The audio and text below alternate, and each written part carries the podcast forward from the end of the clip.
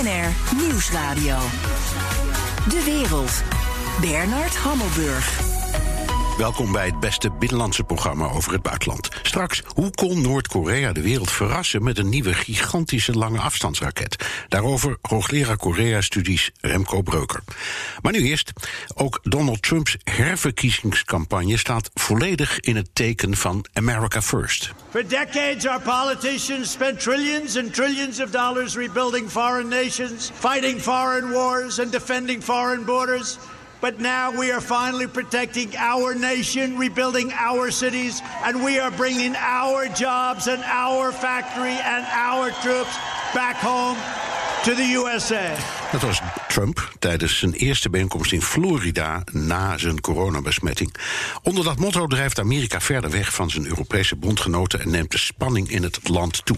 Ik praat erover met Ian Buruma, journalist en schrijver van onder andere het nieuwe boek Het Churchill-complex. Welkom in de uitzending.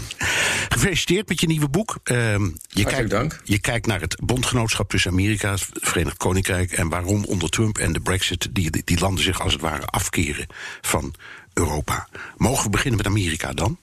Uh, daar zit jij tenslotte, en ik ook meestal. Uh, de verkiezingen komen eraan. Ook voor zijn herverkiezing houdt Trump vast aan dat America First. Hetzelfde motto werd in de jaren 30 aangehaald door isolationisten. Die wilden voorkomen dat Amerika meedeed aan de Tweede Wereldoorlog. In hoeverre kun je die periodes met elkaar vergelijken? Nou, um, in sommige opzichten natuurlijk niet. Want in de, de, jaren 30 was het ook een reactie op de Eerste Wereldoorlog. Toen veel Amerikanen uh, aan het einde van die oorlog hebben meegevochten. En er zijn ook veel slachtoffers gevallen. En de Amerikanen hadden geen zin om dat nog een keer te doen. Uh, dat is misschien een beetje te vergelijken met de reactie op de Irak-oorlog, die natuurlijk ook uh, uiteindelijk heel impopulair was. Maar de omstandigheden zijn natuurlijk niet helemaal hetzelfde. Dat, de, de, er was toen een enorme economische crisis. Dat komt misschien nu ook, ook nog aan, maar dat was nog niet het geval toen Trump aan de macht kwam.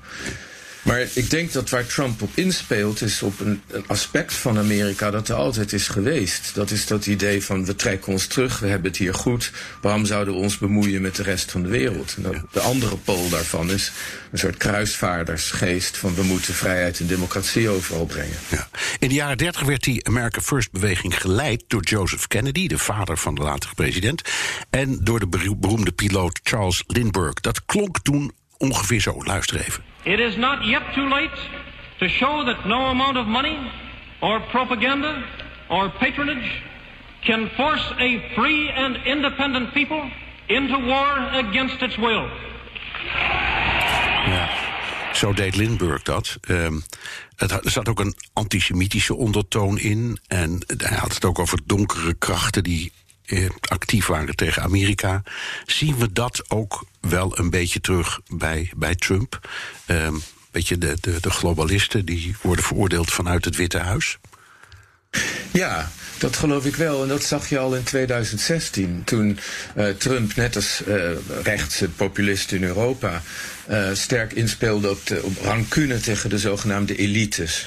En de elites, hoe die, de, de, definitie van die elites uh, had inderdaad wel echo's van de dertiger jaren. Zo internationale bankieren uh, tegenover de gewone man, internationale complotten en dat soort dingen. En daar, de ondertoon is natuurlijk vaak antisemitisch. Um, in de dertiger jaren uh, dikwijls openlijk. Uh, tegenwoordig misschien een, een, klein beetje meer verdekt. Ja, afgelopen week werd bekend dat een pro-Trump-militie democratische gouverneurs wilde ontvoeren en terechtstellen vanwege hun coronamaatregel.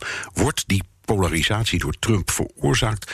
Of borrelde hij die al langer en, en speelt hij als het ware in op latente gevoelens die er altijd zijn in Amerika? Dat zeker. En die, maar die gevoelens zijn natuurlijk in sommige perioden sterker dan in andere periodes. En datzelfde geldt natuurlijk voor Europa. Uh, er zijn tijden waar, waarin een, een, een minderheid, maar een forse minderheid, vindt dat ze worden miskend, dat, ze, dat er niet naar ze wordt geluisterd, uh, zijn onzeker, zijn bang. En daar spelen demagogen op in. Dus uh, die gegevens waren er ook voordat Trump aan de macht kwam. Maar Trump is, uh, heeft het heel handig uitgebuit en het veel en veel erger gemaakt. Ja, die America First beweging, dat ging dus vooral om Amerika te behoeden van een, een, een hopeloze avontuur in een nieuwe oorlog. Um, in 1941, schrijf je, was 80% van de bevolking tegen ingrijpen. Dus dat was ook enorm sterk. Dat steunde dus op een grote meerderheid onder de bevolking. Ja, nou in de eerste plaats, de meeste Amerikanen interesseren zich ook niet echt voor het buitenland of buitenlandse politiek. Dus ook de, de huidige verkiezingscampagnes en, en, en, het enige debat wat we tot nu toe hebben gezien tussen de presidentskandidaten, kwam buitenlandse politiek eigenlijk helemaal niet eens aan bod. Nee. Um, dus dat in de eerste plaats. Maar in de tweede plaats, uh, uh, ja, um, die desinteresse heeft ook vaak een, uh, een, een soort vijandigheid. Maar uh, dat zet zich af tegen die andere tendens om zich overal mee te gaan bemoeien. En er wordt wel eens gedacht dat, uh, of verondersteld, dat uh, militaire ingrepen in het buitenland door de Verenigde Staten iets is van rechts. Maar meestal komt het juist van de meer progressieve kant van, van, van Amerika. Dat is... de, de Vietnamoorlog kwam ook van, ja, uit Kennedy, Johnson, precies, ja. Dat is ja. waar linkse mensen. En, en het zijn de, de Republikeinen die zich eerder uh, op, afzijdig opstellen van het buitenland. Tenzij het gaat om, om zaken doen. Ja, uh, niettemin, je hoort eigenlijk in, in de Republikeinse partij bijna geen. Uh, nou ja, uh, ik zeg bonzen, partijbonzen die zich, die zich opstellen tegen, tegen Trump. En enkele wel. Uh, waar zijn de liberale republikeinen gebleven? Nou ja, dat is natuurlijk de oude elite voor een groot deel. De, die, die geïnteresseerd was voornamelijk in business. En, en uh, lippendienst bewees aan de um, onlustgevoelens die ook leven bij het volk. Of de, de, echt, de, de hele christelijke uh, evangelistische gevoelens en dan er verder, verder niet zoveel aan deden als ze aan de macht kwamen. Nou, die zogenaamde country club uh, republikeinen, die zijn nu in een hele kleine minderheid. En, dat, en daar kan je aan zien dat er nu toch een hele andere elite is. Die oude elite is weg. Nou, dat is niet op zichzelf een slecht ding. Nee. Maar het is wel iets om te constateren. Ja. Even kijken naar uh, de relatie met Europa. De, Trump laat voortdurend blijken dat hij twijfelt aan de zin of, of, of de, van de NAVO of de manier waarop die functioneert. Um, de boodschap is: zorg voor jezelf, dop je eigen boontjes. Um, een aanzienlijk deel van de Amerikanen steunt hem daarin. Het was trouwens ook al onder zijn voorgangers een thema, dus hij is ook niet de eerste die dat beroept. Hoe, hoe kijkt een, een Amerikaan naar Europa? Nou, in de eerste plaats kijken de meeste Europea uh, Amerikanen helemaal niet naar Europa. Het zegt ze niet zoveel. Uh, het aantal Amerikanen dat ook familiewortels heeft in Europa wordt steeds kleiner uh, als percentage van de bevolking. Dus de meeste zijn, interesseert het überhaupt niet. Um, het was altijd een beetje een elite-project. Net zo goed als dat in Europa geldt voor mensen die heel warm liepen voor Europese eenwording in de EEG of de ja. EU. Ja. Maar uh, ik denk dat het misschien zo kunt zeggen, dat na 1945 uh, er een hele sterke stemming was in de Verenigde Staten en ook in het Verenigd Koninkrijk om een wereld te scheppen met internationale instellingen die een, derde wereldoorlog onmogelijk zou maken. Dus er was een enorm enthousiasme voor samenwerking, voor het steunen van wederopbouw, de Marshallplan en al dat soort dingen. En uh, die noodzaak uh, zien mensen niet meer zo sterk. Um, het heeft ook. En elke wereldorde heeft ook zijn natuurlijke einde. En uh, het werd ook steeds ongezonder eigenlijk dat hele rijke delen van de wereld, zoals West-Europa of Japan, zo volledig afhankelijk bleven van uh, de Verenigde Staten voor hun veiligheid. Ja, dus daar heeft Trump. En, uh, dus het, de retoriek van Trump, of de, laten we zeggen, de manier waarop hij het formuleert, is uh, opmerkelijk, zullen we maar zeggen. Maar inhoudelijk verwoordt hij wel degelijk iets wat heel duidelijk speelt in de Amerikaanse bevolking. Ja, dat denk ik wel. Ja. Um, aan de andere kant, ik denk dat gevoeter op het buitenland de hele tijd en het met voeten treden van internationale uh, instellingen, conventies, normen en dat soort dingen, dat dat wel een groot deel van de bevolking is gaan irriteren. En, uh, en, en het wordt zelfs ook wel als beschamend gezien. Dus als eh, Biden het zou winnen, is dat onder meer omdat de, de meerderheid van de Amerikaanse kiezers toch groot schoon genoeg heeft van eh, die bullebakkerij. Ja, van de toon, maar niet eens zozeer van de inhoud. Nou, zelfs wel de inhoud, omdat de meeste Amerikanen zijn toch wel voor het Parijse akkoord om iets te doen aan, het, uh, Ja. aan de klimaatverandering en dat soort dingen. En het feit dat, dat Trump daar allemaal lak aan heeft, dat is toch niet iets wat eh, echt heel populair is bij een groot deel van de bevolking. De meeste peilers zeggen ongeveer 40% van de Amerikanen st- steunt hem. Dat is ongeveer zijn achterban. Zien die hem ook echt als held? Nou ja, ze zien hem, en wat dat betreft eh, lijkt het natuurlijk ook op veel demagogen in Europa. Ehm, ze hebben een grotere hekel aan wat ze zien als de eh, progressieve eh, elite dan wat anders. Dus iedereen die daar tegenin ga- gaat, is in zekere zin een held. En dat, wij, dat betekent niet dat ze, die, dat ze een geweldige liefde hebben voor. Trump of andere mensen van dat allooi. Of dat ehm, ze alles goed vinden wat ze doen. Maar het feit, als, zolang ze die progressieve elite maar aanvallen, dan hebben ze hun steun. Dus het is de, de afkeer voor het progressieve dat ze in de armen van Trump drijft. Ja, het is, de, het is zoals Menno ter Braak ooit zei, het is het, de, de politiek van, van het ressentiment, Ja. van de rancune. Ja, ja, ja, maar goed, die heeft wel de uiterste consequentie getrokken uit zijn eigen angsten, zou ik maar zeggen. Ja, die heeft het Heeft allemaal een eind gemaakt aan zijn eigen leven. maken. Ja, ja. Oké, dit is BNR De Wereld. Mijn gast is Ian Burma, schrijver van het nieuwe boek Het Churchill Complex. Ladies and gentlemen, dare to dream that the dawn is breaking on an independent, united kingdom. Dat was oer-Brexiteer Nigel Farage na het Brexit-referendum in 2016. Ian, in je boek haal je de vriendschap aan tussen Trump en Farage. Je noemt Trump een soort tweedehands autoverkoper, de ugly American uit de jaren 50 en Farage een joviale oplichter. Zie je hen als een soort karikatuur van Roosevelt en Churchill? Nou, niet een karikatuur van Roosevelt en Churchill, meer een karikatuur van bepaalde stereotypen in, in hun eigen landen. En, maar Farage is natuurlijk een hele zonderlinge figuur, en Trump ook. Maar Farage eh, komt eigenlijk zelf uit de elite, heeft op een, op een dure privéschool gezeten in Londen, heeft zijn geld verdiend in de city eh, met eh, effectenhandel en dat soort dingen. En heeft zich plotseling eh, ehm, eh, zichzelf weer heruitgevonden als de, de tribuun van de, van de gewone man en het gewone volk. Ehm, op een nogal sinistere manier. En mensen die hem op school al eh, kenden, eh, hebben allerlei verhalen over hem. Dat hij toen ook het lollig vond om het Horst Wessel lied te zingen en dat soort dingen. Ja, knipogen naar, het, naar de nazi's, toen al. Ja. Ja. Kun, je, kun je de brexit vergelijken met het Trumpisme in Amerika? Nou, je kunt het in zoverre vergelijken dat het komt uit, eh, niet geheel, er zijn een hoop mensen die op Brexit hebben gestemd om, om redenen die niet onredelijk zijn. Eh, Er zijn mensen die vinden dat de EU zo hapert en, eh, en, en de democratie en de soevereiniteit zodanig in de weg zit dat, de- dat, dat, dat het Verenigd Koninkrijk eruit moet. Nou, ik ben het daar niet mee eens, maar dat is een, een, een redelijk argument. Er zijn anderen die eh, veel meer eh, ja, gevoelsmatig ertegen hebben gestemd.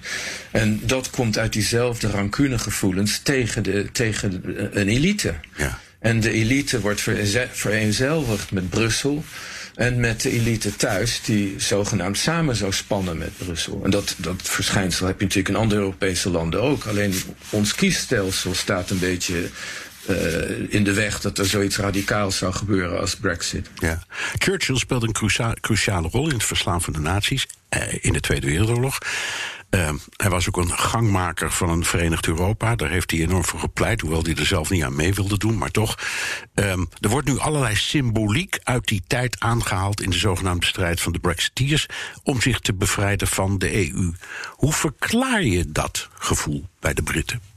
Want je zegt wel Nou elite, de- ja? Maar, Nou, bij de Britten heeft natuurlijk toch heel sterk uh, uh, het gevoel geleefd sinds, sinds 1945 dat Groot-Brittannië heel bijzonder is, omdat zij als enige land in Europa de nazi's, Nazi-Duitsland, het hoofd hadden geboden. En die finest hour van 1940, waar Churchill zo'n mythe van heeft gemaakt, dat, dat, alleen de Britten met hun rug tegen de muur hebben doorgevochten, et cetera, et cetera. Moedig en romantisch.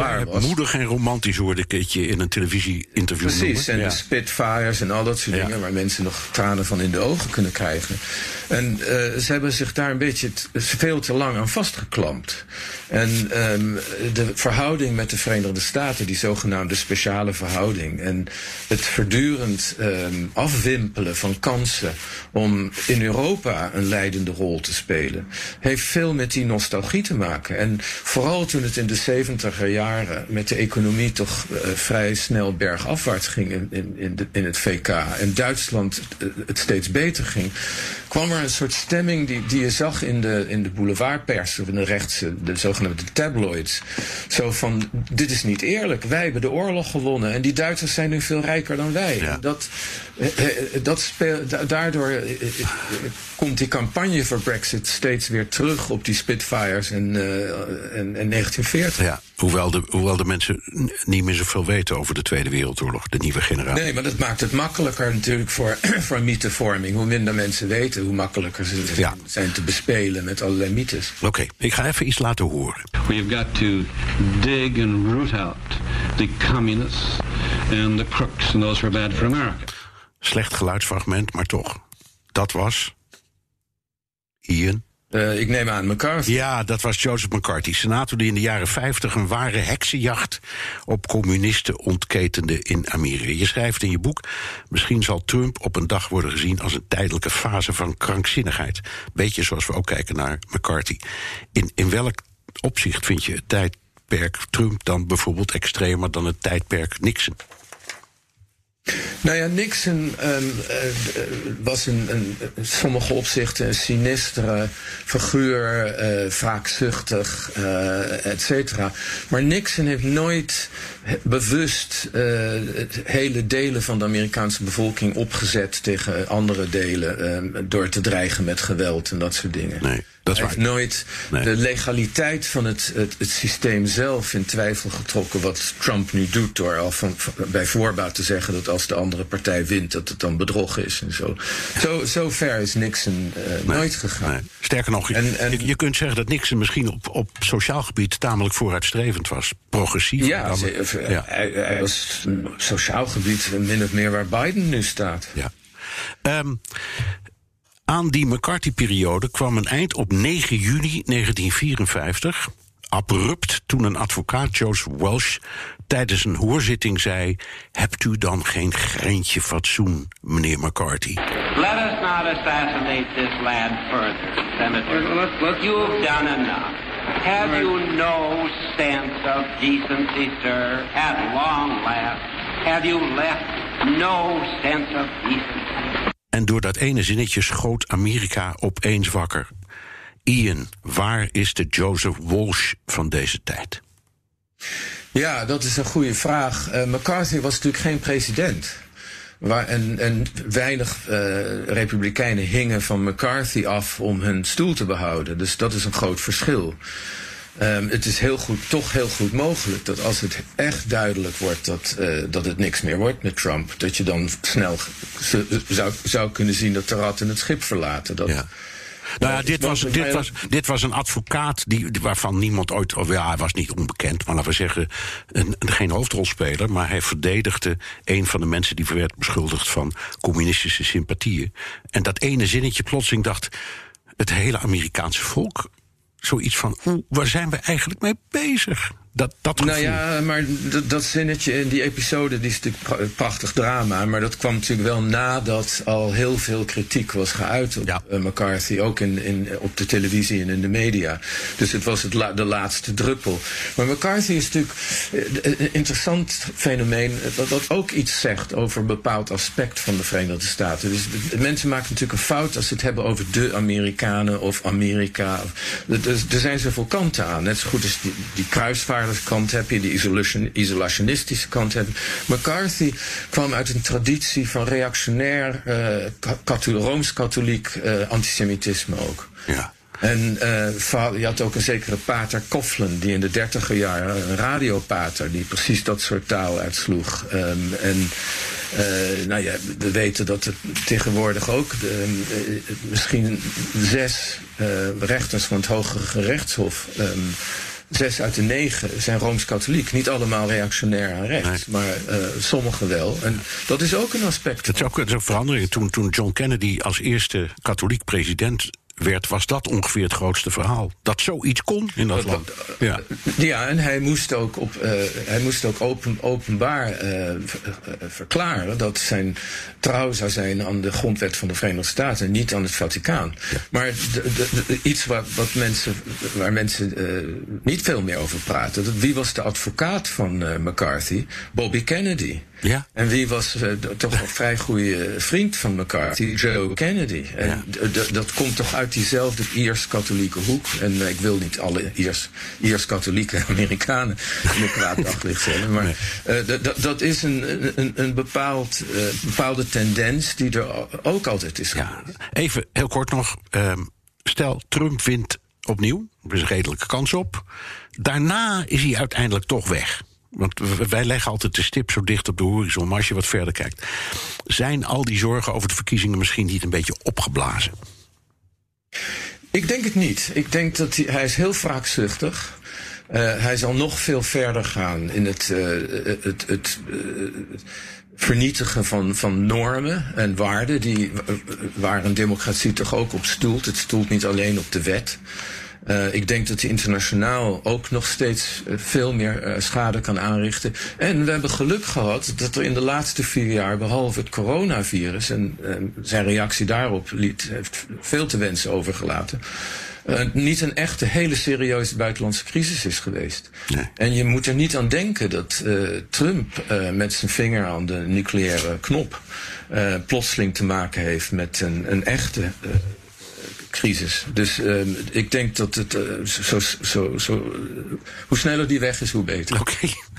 Nou, we gaan ons best doen, zal ik maar zeggen. Dank Ian Burema, journalist en schrijver van het nieuwe boek Het Churchill Complex. BNR Nieuwsradio. De wereld. Bernard Hammelburg. Cyprus zet voorlopig een streep door het gouden paspoort dat ze aanbieden aan rijke investeerders. Dat doet het land nadat een documentaire van Al Jazeera liet zien dat een veroordeelde Chinese zakenman via Cyprus aan een EU-paspoort kon komen. Europa-verslaggever Jesse Pinster, wat heeft Al Jazeera nou precies laten zien? Nou, ze hebben twee mensen undercover gestuurd. En die deden zich voor als de belangenbehartigers van een steenrijke Chinees. Mr. X noemen ze hem in de documentaire. En die het lastige van die, uh, aan de situatie van die Chinezen is dat hij veroordeeld is voor zeven jaar cel vanwege corruptie. Alleen, en dat is dan het verhaal, hè, hij uh, zit niet in de gevangenis omdat hij net op tijd naar Hongkong is ontkomen. En hij heeft al zijn geld via casino's in Macau ook het land uitgekregen. En nu moet hij ergens anders heen. En wil hij een gouden paspoort uh, op Cyprus krijgen? Dat kan, want als je 2 miljoen euro investeert en een huis koopt op het eiland, dan zou je dat kunnen krijgen. Alleen ja, dan moet je niet veroordeeld zijn. Zo zijn de regels dan wel weer. Nou ja, dat zijn de regels. Want de werkelijkheid blijkt heel anders te zijn in die documentaire. En dan kom je via een Brits echtpaar dat in appartementen handelt. bij een advocaat die dan zegt: Je hebt geen engelen of God nodig om een paspoort te krijgen. Want wie blijkt je nodig te hebben? De parlementariër Christakis Giovannis. En ja, dat komt toch ook wel heel mooi uit. Die heeft een vastgoedbedrijf en daar kan je dan weer in investeren. En hoe meer je investeert, hoe makkelijker het is om aan dat paspoort te komen. En als je het zou willen is het ook nog mogelijk om een nieuwe identiteit aan te nemen. We show how a criminal with a golden passport could change his identity to evade justice. Of course I can change it. Done this before. Of course, this is Kijk, je, je, hoort het bijna niet, hè, Bernard, maar je hoort ze daar op die opnames zeggen van... natuurlijk kan dat, want ja, dit ja, is Cyprus. Ja. die corrupte politicus die ontmaskerd wordt, die is, neem ik aan, opgestapt. Ja, die is inmiddels inderdaad opgestapt. Maar die documentaire gaat nog verder. Want op een gegeven moment komen ze terecht bij de voorzitter van het parlement. Dimitris Silouris. En die wil die Chinese zakenman ook best wel helpen. En mocht dat nou niet lukken op Cyprus zelf.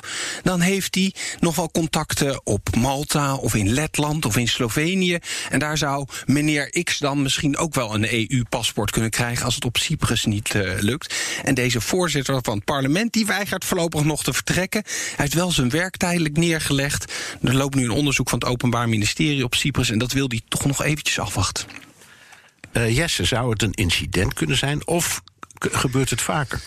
Nou, Al Jazeera is al langer bezig met dit verhaal. In augustus kregen ze een hele lading documenten in handen. En daaruit bleek dat er 1400 mensen zijn die zo'n paspoort gekregen hebben. En ook nog eens 1100 familieleden. Dat zou neerkomen, alles bij elkaar, op iets van 8 miljard aan investeringen op Cyprus.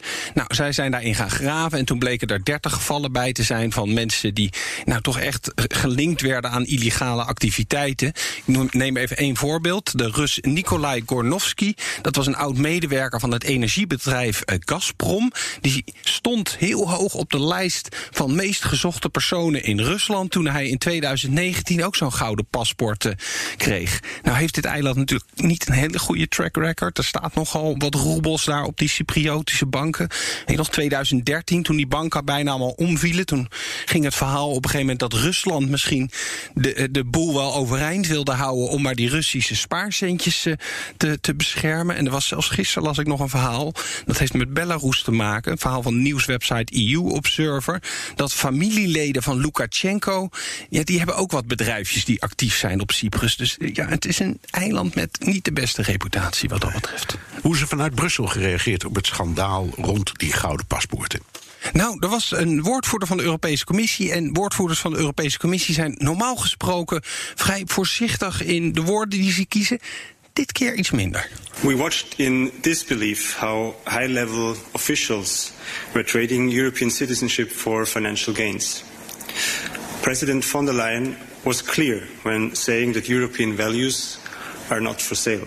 Nou, die blijken toch wel een beetje te koop te zijn misschien. Het Europese parlement die wil al langer dat hier een einde aan komt hoor. De Europese Commissie is ook in gesprek met Cyprus, Malta, Bulgarije hebben ze het ook. Om nou die, die, die gouden paspoortsystemen toch eens wat af te gaan bouwen. Maar als je verder gaat kijken, dan zijn heel veel landen bieden dit eigenlijk aan hoor. Maar het gaat er natuurlijk om, zeg maar, hoe goed is je controle dan vervolgens op de mensen die daar binnenkomen. Want zelfs Nederland heeft een, een verblijfsvergunning voor, ja dat heet dan verblijfsvergunning voor vermogende vreemden vreemdelingen. Die, uh, ja, als je dan 1,25 miljoen euro investeert, dan uh, kan je ook een verblijfsvergunning in Nederland krijgen. Maar daar zijn wel de checks natuurlijk veel grondiger of iemand niet uh, nou ja, ergens van corruptie verdacht wordt. Het is wel grappig. Ik, ik kwam zelfs op een website, Citizenship Shop Com. En dan kon je gewoon in je digitale winkelmandje kon je zo'n Nederlandse verblijfsvergunning. Ja, de, prijskaartje is dus wel 1,25 miljoen euro wat er aan hangt. Dus ik, ja. ik heb er maar niet op geklikt. Nee, kniezoor die erop let trouwens hoor. Dank je, Europa-verslaggever Jesse Pinster. Meer horen over het spel in Brussel? Luister dan naar de podcast Europa Mania van BNR en het FD. De Joe en Donald Show. Tijd voor het laatste verkiezingsnieuws uit Amerika met onze correspondent in Washington, Jan Posma. Jan, er is vanavond geen debat, was wel voorgenomen, gaat niet door. Maar wel twee verschillende tv-optredens van Biden en Trump. En daar is nou consternatie over. Ja, Bernard, want het komt tegelijkertijd. Dus nu kun je niet beide kandidaten uh, bekijken. Je moet kiezen of de hele tijd heen en weer zeppen. En er is ook wel wat frustratie, omdat uh, Trump nu een beetje zijn zin krijgt. Dankzij uh, NBC, de, de tv-zender die hem uit heeft genodigd. Trump zegde af voor dat debat. hij wilde niet virtueel meedoen. En, en nou ja, dat had allemaal te maken met zijn coronabesmetting. en daar, daarop heeft Biden ja gezegd tegen een town hall meeting op ABC. Dus dat mensen vragen kunnen stellen. En Trump heeft nu ja gezegd tegen eentje op, op NBC op hetzelfde moment. En vanuit de Trump-campagne wordt al gezegd... nou, wij gaan beide verslaan met de kijkcijfers. Dat is eigenlijk de echte winst die wij kunnen behalen vanavond. Maar ja, dat wordt dus uh, zeppen voor de twijfelende kiezer. En, en de kiezer is weer de verliezer. Ja, uh, is een theorie dat Trump had kunnen helpen... door juist niet op de tv te verschijnen vanavond, toch? Ja, dat, dat vond ik wel een mooie, Bernard. Uh, Politico, uh, die website, die schreef erover. Van, uh, en, en, ze hebben misschien wel een punt hoor. Trump die klaagt steeds dat Biden zo weinig de aandacht krijgt in de media. Hè. De Trump-campagne gelooft dat het goed zou zijn voor Trump als Amerikanen Biden meer zouden horen praten. En, en dan is de kans ook groter dat hij eens wat dom zegt, dat hij niet uit zijn woorden komt, dat soort dingen. En dat had dus vanavond perfect gekund. Alle ogen waren op Biden gericht dan. Maar we weten ook natuurlijk dat Trump iemand is die graag zelf in de schijnwerper staat. En ik heb het gevoel dat dat nu ook dus weer gebeurd is. Dat hij toch dacht van, uh, wacht even, die peilingen... en bovendien, ik ben de president, ik wil ook op tv. Dan doen we het maar via die kijkcijfers. Ja. Financieel gaat het in afval goed met Biden, hè, met zijn campagne. Heeft een recordbedrag aan uh, geld binnengehaald. Ja, dat is echt uh, 383 miljoen dollar. Dat was in uh, september en dat is een record. En uh, daardoor heeft Biden nu in, in die laatste paar weken 430 miljoen dollar klaar liggen voor de eindsprint. Nou joh, in drie weekjes meer dan 400 miljoen dollar uitgeven. maar dat gaat natuurlijk naar al die spotjes in die swing states. ik ben nu in Florida en, en daar, daar is het ook... je kan de tv niet aanzetten. Er komen sowieso drie spotjes achter elkaar voorbij. Um, en ja, het wordt wel spannend om te zien hoeveel Trump heeft binnengehaald. Want die heeft zijn cijfers nog niet bekendgemaakt. Maar die liep vorige maand toch uh, 150 miljoen dollar achter. Dus flink uh, minder geld. En daar valt wel iets op, Bernard. Uh, als president geeft Trump namelijk wel cadeautjes weg. miljoenen voedselpakketten voor arme gezinnen. Met een brief met zijn handtekening dan erbij. korting op medicijnen voor senioren. Met ook een Trump-briefje. En er gaat nu 300 miljoen dollar naar spotjes voor morele, morele support voor corona. dus Trump gaat hier weer over grenzen heen. En, en lijkt toch met overheidsgeld te compenseren voor, voor zijn lagere campagneinkomsten. Ja, um, hoeveel Amerikanen hebben er al gestemd, Jan? Ja, dat zijn er nu inmiddels al zo'n 15 eh, miljoen. En, en je hebt vast die lange rijen gezien in Georgia, hè, waar ze al vanaf ochtends 6 uur uh, wachten en dan de hele dag uh, in die rij staan om te kunnen stemmen. Virginia zagen we dat eerder ook, al verschillende andere staten. En ja, ik ben nu dus in Florida, daar hebben al 2 miljoen mensen gestemd. En, en daar zijn ze hier ook wel wat verbaasd over, want dat is toch wel heel veel in verhouding. En werkelijk echt iedereen die ik spreek vertelt ook hoe gemotiveerd hij is om te stemmen. Ik heb echt nog niemand gehoord die zijn schouders ophaalt. En, en uh, ja, dat geldt ook voor beide kanten. Florida natuurlijk een swing state. Maar ik moet wel zeggen, vooral democraten... die zeggen echt, ik wacht al vier jaar. Zodra ik kon stemmen, heb ik het meteen gedaan. Ik wil echt geen dag langer wachten. Dit is mijn kans. Dat, dat is het gevoel dat je krijgt. En dat is dus meer bij democraten dan bij republikeinen. Voor zover ja, jij het om je heen ziet. Ja, Republikeinen zijn ook gemotiveerd hoor. Maar je hoort gewoon bij die Democraten, dat, dat heeft jarenlang uh, geborreld. Die, die, dat moet er nu gewoon echt uit. Ja. Dankjewel, Jan Posma, onze correspondent in Washington. Wilt u meer horen over dat fascinerende land? Luister dan naar de Amerika-podcast van Jan en mij. En we zijn genomineerd voor een Dutch Podcast Award. Stemmen kan nog tot vrijdag op podcastawards.nl. De wereld. Ondanks zware internationale sancties presenteert Noord-Korea een nieuwe lange afstandsraket. Revealing what experts have dubbed the largest ever road mobile liquid fueled missile anywhere, thousands of maskless North Koreans celebrated the 75th anniversary of the country's ruling Workers' Party. Een wapen dat in potentie overal op gericht kan worden, van Tokio tot New York, tot Heer Hugo Waard, tot Amsterdam. Laat dit zien dat de sancties tegen het land niet werken.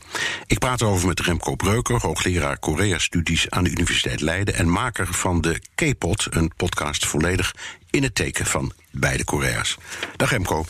Dag Bernard. Wat denk je? Is die raket echt?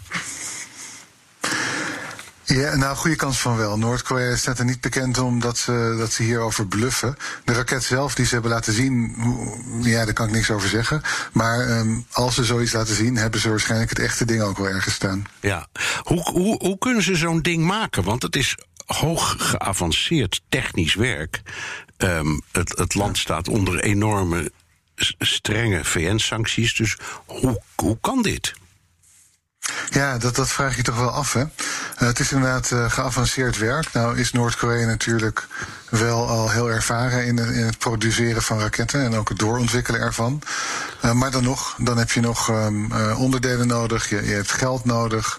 Je hebt van alles nodig wat je niet hebt in een land dat niet zou moeten hebben, in een land dat zodanig gesanctioneerd is. En met een economie die te vergelijken is met die van Mozambique qua omvang. Um, ja, was, mijn conclusie is toch wel, en dat is eigenlijk al dezelfde conclusie die ik om jaren trek, dat het sanctieregime uh, niet goed wordt gehandhaafd. En dat Noord-Korea eigenlijk overzees kan doen wat het wil. Ja, ja, want ze moeten ergens dit, ze moeten hun materiaal bijvoorbeeld ergens vandaan halen. Enig idee waar ze dat dan vandaan hebben? Ja, allerlei verschillende plekken. De motoren schijnen voor een deel bijvoorbeeld uit de, uit de Oekraïne te komen. Um, en um, de brandstof. In dit geval, ik weet niet waar deze brandstof vandaan komt, maar um, de brandstof in het algemeen die niet meer naar Noord-Korea mag worden vervoerd. Omdat, het, een hele, uh, omdat er ook sancties op zitten. Hoeveel, hoeveelheid brandstof die uh, naar Noord-Korea mag worden verscheept. Ja, die, dat komt overal vandaan. Direct uit het Midden-Oosten. Het kan uit Rusland komen. Het komt het is soms niet, uh, niet meer na te gaan waar het vandaan komt. Nee. Het is een heel ingewikkeld web. Ja, en ik, ik, ik ben er bijna van overtuigd dat Oekraïne die dingen niet zelf verkoopt aan Noord-Korea. Dus dat gaat dan via nee. allerlei slinkse omwegen. Nou, Zeker. Kom, er, kom er maar achter, Jan, hè? denk je dan? Ja. Ja, dat, dat kan wel. Uh, dat is heel veel uitzoekwerk. En uh, er zijn natuurlijk ook wel inlichtingendiensten en, en ook wel andere onderzoekers mee bezig. Maar um, uiteindelijk um, waarschijnlijk te weinig en te laat. Het is natuurlijk vaak onderzoek dat pas wordt gedaan als je zo'n raket al ziet. Ja, dan, dan heb je het laten liggen. Wie zijn nou de partijen die, uh, of landen die Noord-Korea nog gewoon helpen? en dat zeg ik omdat jij terecht zegt, die sancties werken niet, gewoon niet. Maar er moeten landen zijn, China bijvoorbeeld, of misschien die, die, die, dat min of meer, ik zal maar zeggen, transparanter doen dan anderen. Ja, zeker. Ja, China en Rusland uh, staan dan toch hoog in de lijst. Dat zijn landen die nog steeds gewoon zaken doen met Noord-Korea. En zeggen daarbij de sancties niet te schenden. Uh, en soms zich er ook helemaal niks van aantrekken. Uh, maar het, het gaat, staten in Afrika bijvoorbeeld ook. Zoals Oeganda. Nou, er is nog een heel rijtje van, van landen dat nog steeds gewoon zaken doet met Noord-Korea. Maar ik ben bang dat het, het is werkelijk wereldwijd hoor. Noord-Koreaanse bankiers die um, zijn net betrapt op het bankieren in Amerika zelf. Wat ja. echt niet kan. Um, er is natuurlijk weer zo'n zo'n datalek geweest met heel veel informatie over allerlei financiële transacties. En daar kwam Noord-Korea ook uh, weer naar voren. Dus het is echt, het is, het is door de hele wereld ver, ja, Maar je moet even, even, even, dat moet je even uitleggen. De, ja. Bankieren in de Verenigde Staten zelf. Um, ik denk ook meteen aan de geruchten die er rondgaan. Um, over de, uh, de winnaar van de Nobelprijs voor de Vrede van dit jaar. de, de, de, Wereldvoedselorganisatie. Daarvan wordt ook gezegd. dat die helpen natuurlijk Noord-Korea, want dat behoort bij hun taken. maar dat ze ook illegaal bankieren, zou ik maar zeggen. Dus hoe ja, werkt dat, dat hele, hoe werkt dat ja. hele systeem van bankieren dan? Ja, dat, dat, um, het, wat het zo ingewikkeld maakt, en ook om dat eigenlijk goed te sanctioneren, is dat er vaak sprake is van een soort ruilhandel. Um, dus Noord-Korea kan natuurlijk eigenlijk geen gebruik meer maken van het internationale uh, bankaire systeem. Daar, is het, daar is het van uh, uit verbannen. Dus wat het doet, is dat het um, op, illegaal bepaalde dingen aankoopt. Waarvan um, zegt het, het um, onderdelen voor wapens. En dat betaalt het dan niet in geld, maar uh, in drugs of in andere wapens die Noord-Korea zelf produceert. En dat wordt dan weer eigenlijk met vervalste facturen en vervalste aan- en afnemers um, ja, uitgewist, onzichtbaar gemaakt. Dus wat je ziet is eigenlijk niet zozeer. Um, um, follow the money, dat je dat kan doen. Want het geld is er vaak niet, maar je moet eigenlijk achter de producten aan. En die worden tegen elkaar geruild. En daarbij zie je ook steeds minder Noord-Koreanen betrokken ja. zijn. Het zijn vaak partners van Noord-Koreanen in lokale landen. Follow the rockets. Dat, dat zou beter werken dan follow the money. Ja, dat zou inderdaad beter werken. Ja. Ja. Oké, okay, uh, er is een, een nieuwe Deens documentaire over hoe Noord-Korea sancties ontwijkt. En uh, de, de, hierin eindigt een voormalige chef-kok samen met een veroordeelde cocaïne-dealer in Pyongyang om een wapendeal te sluiten met de Noord-Koreaanse overheid. Jij hebt die film gezien, je bent door de, de Deense televisie geïnterviewd. Kan dit waar zijn? Ja, het, het, het is werk. Nou, ik heb zelden zo'n documentaire gezien, echt. Ik, ik, ik, heb drie delen met klapperende oren bekeken. Um, er zitten heel veel dingen bij waarvan ik denk hoe zit het nou precies? Maar uh, de kern van de documentaire is inderdaad die, die wapenhandel die wordt opgezet dat komt wel heel authentiek over. Ik, ik, heb niet de informatie om te kunnen zeggen dat is authentiek en die mensen zijn wie ze zeggen dat ze zijn. Maar ik heb, ik heb genoeg van dit soort um, transacties bestudeerd om, om wel te kunnen zeggen zo zien ze eruit en zo gaat het wel. Ja, en dit past, in, beetje... dit past ook in het verhaal wat je net vertelde over die ja. ruilhandel in plaats van uh, handel in geld, met, via geld. Ja, nee, precies. Dat, dat gebeurt daar ook.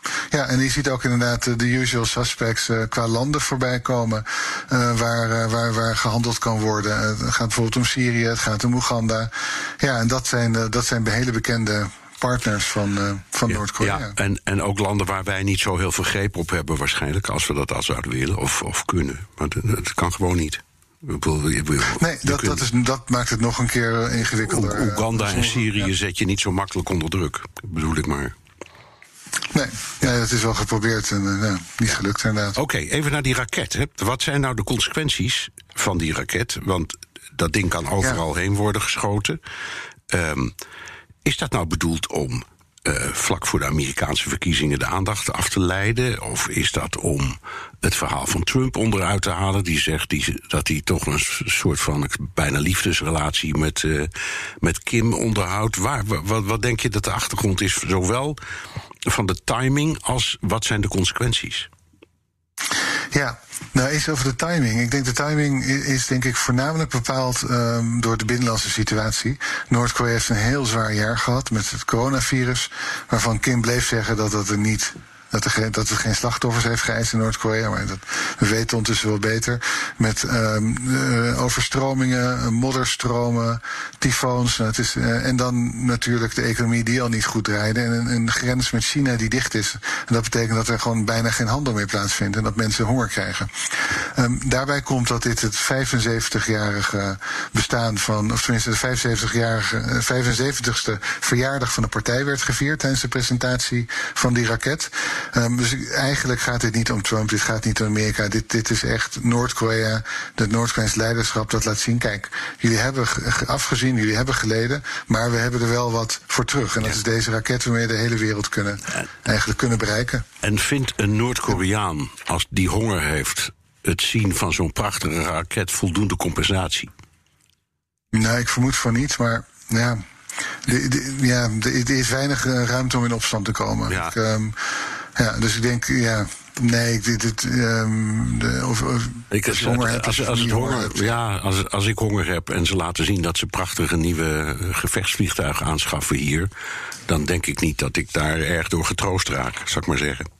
Nee, maar misschien wel eerder als je denkt dat uh, de, de Duitsers en de Belgen op ons bloed uit zijn en Ja, het land zullen binnenvallen als, uh, als wij die, uh, die gevechtsvliegtuigen niet hebben gehad. En dat is natuurlijk hoe de situatie wordt voorgesteld in, in Noord-Korea. En wat betekent de tweede- ja, ja, ja, sorry. De andere kant ervan, hè? De, de, de, de, zeggen, de, de onderhandelingspositie, de timing eh, eh, naar het buitenland.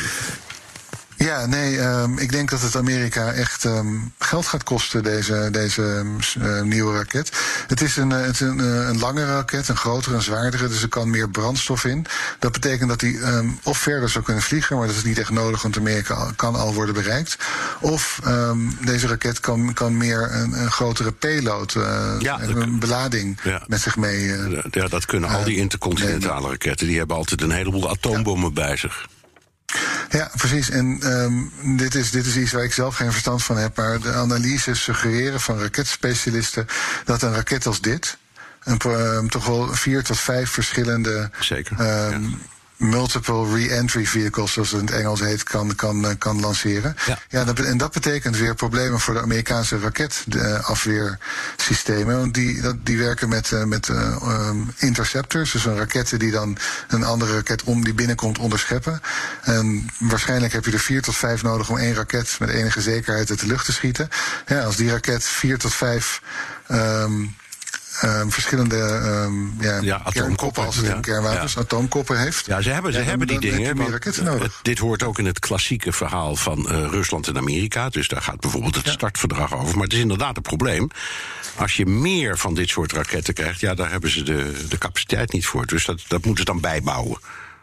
Ja. Ja, en die kosten, ehm, ik geloof meer dan een miljard dollar Ja, per die zijn 14 heel- raketten. Ja, heel kostbaar. Oké, dus, wat, wat blijft er over, over van het verhaal van Trump? Zal ik maar zeggen van, oh, wij kunnen het zo goed vinden... en let maar op, er komt vrede. Ja, dat, eh, als er inderdaad een relatie tussen twee is, dan is er toch echt wel sprake van een soort sadomasochistische relatie, denk ik. Er blijft niks van over. Nee. Ja, dat gaat ook nog heel veel geld kosten. Ja, eh, je had het er daarnet al over. eh, het gaat niet goed in Noord-Korea. Het gaat in een heleboel landen niet goed. Dus dat zou je Kim niet eens persoonlijk kunnen aanrekenen. Het is gewoon overal een, een moeilijke tijd. Maar hij verontschuldigde zich ehm, tegenover het volk. Eh, ehm, waarom deed hij dat op die manier? En hij, bovendien hij begon dan ook nog te huilen, tenminste, dat zei iedereen. Wat, wat is hier aan de hand? Ja, ik, eh, ik, ik heb de livestream gezien eh, van, de, van de parade. En ik moet eerlijk zeggen, ik heb zijn hele speech ook gezien en beluisterd. Eh, ik heb hem niet zien huilen. Dus hij moest wel inderdaad eh, wat wegslikken, dat zag ik wel. Maar goed, de kwaliteit van zo'n livestream is niet zodanig dat je een eet op kunt doen dat hij niet echt ergens een traantje heeft weggepinkt. Ehm, maar misschien, de- misschien deed hij wel net alsof en zijn we erin getuind. Dat kan ook.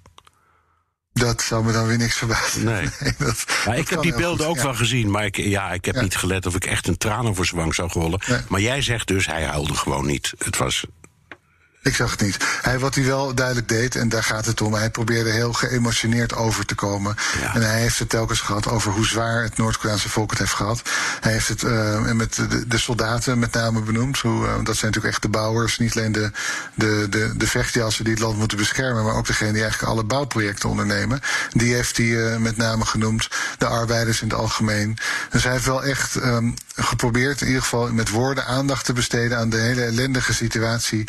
eh, waar de meeste Koreanen in zullen hebben verkeerd. Ja, dus waterlanders of niet in Pyongyang. Het, het was wel echt. Een, dat, de excuus was wel echt. Ja, het was niet zozeer. Ik, dat las ik ook inderdaad in de analyse. Dat, er- dat er van excuses werd gesproken. Wat ik hem heb horen zeggen een paar maal. is: ik vind het heel vervelend dat. Ik betreur het dat. Ja, dat, dat is dat een excuus. Nou, daar kan je over, eh, over eh, debatteren. Maar eh, het is, het is, als het een excuus is, is het een vrij zwakke excuus. Hij was niet blij met hoe het was gegaan. Hij was wel blij met de uitkomst. Hij- Het is wel de moeite waard geweest. Want de hele wereld kijkt naar ons. Hoe wij succesvol het coronavirus hebben verslagen. Want hier is, is niemand aan overleden. Nee, en kijk eens wat een mooie raket. Dankjewel, Remco Breuker, hoogleraar Korea-studies aan de Universiteit Leiden... en maker van de K-Pod, een podcast volledig in het teken van de beide Korea's. En tot zover BNR De Wereld. Terugluisteren kan via de site, de app, Spotify of Apple Podcasts. Reageren kan via een mailtje naar dewereld.bnr.nl. Tot volgende week.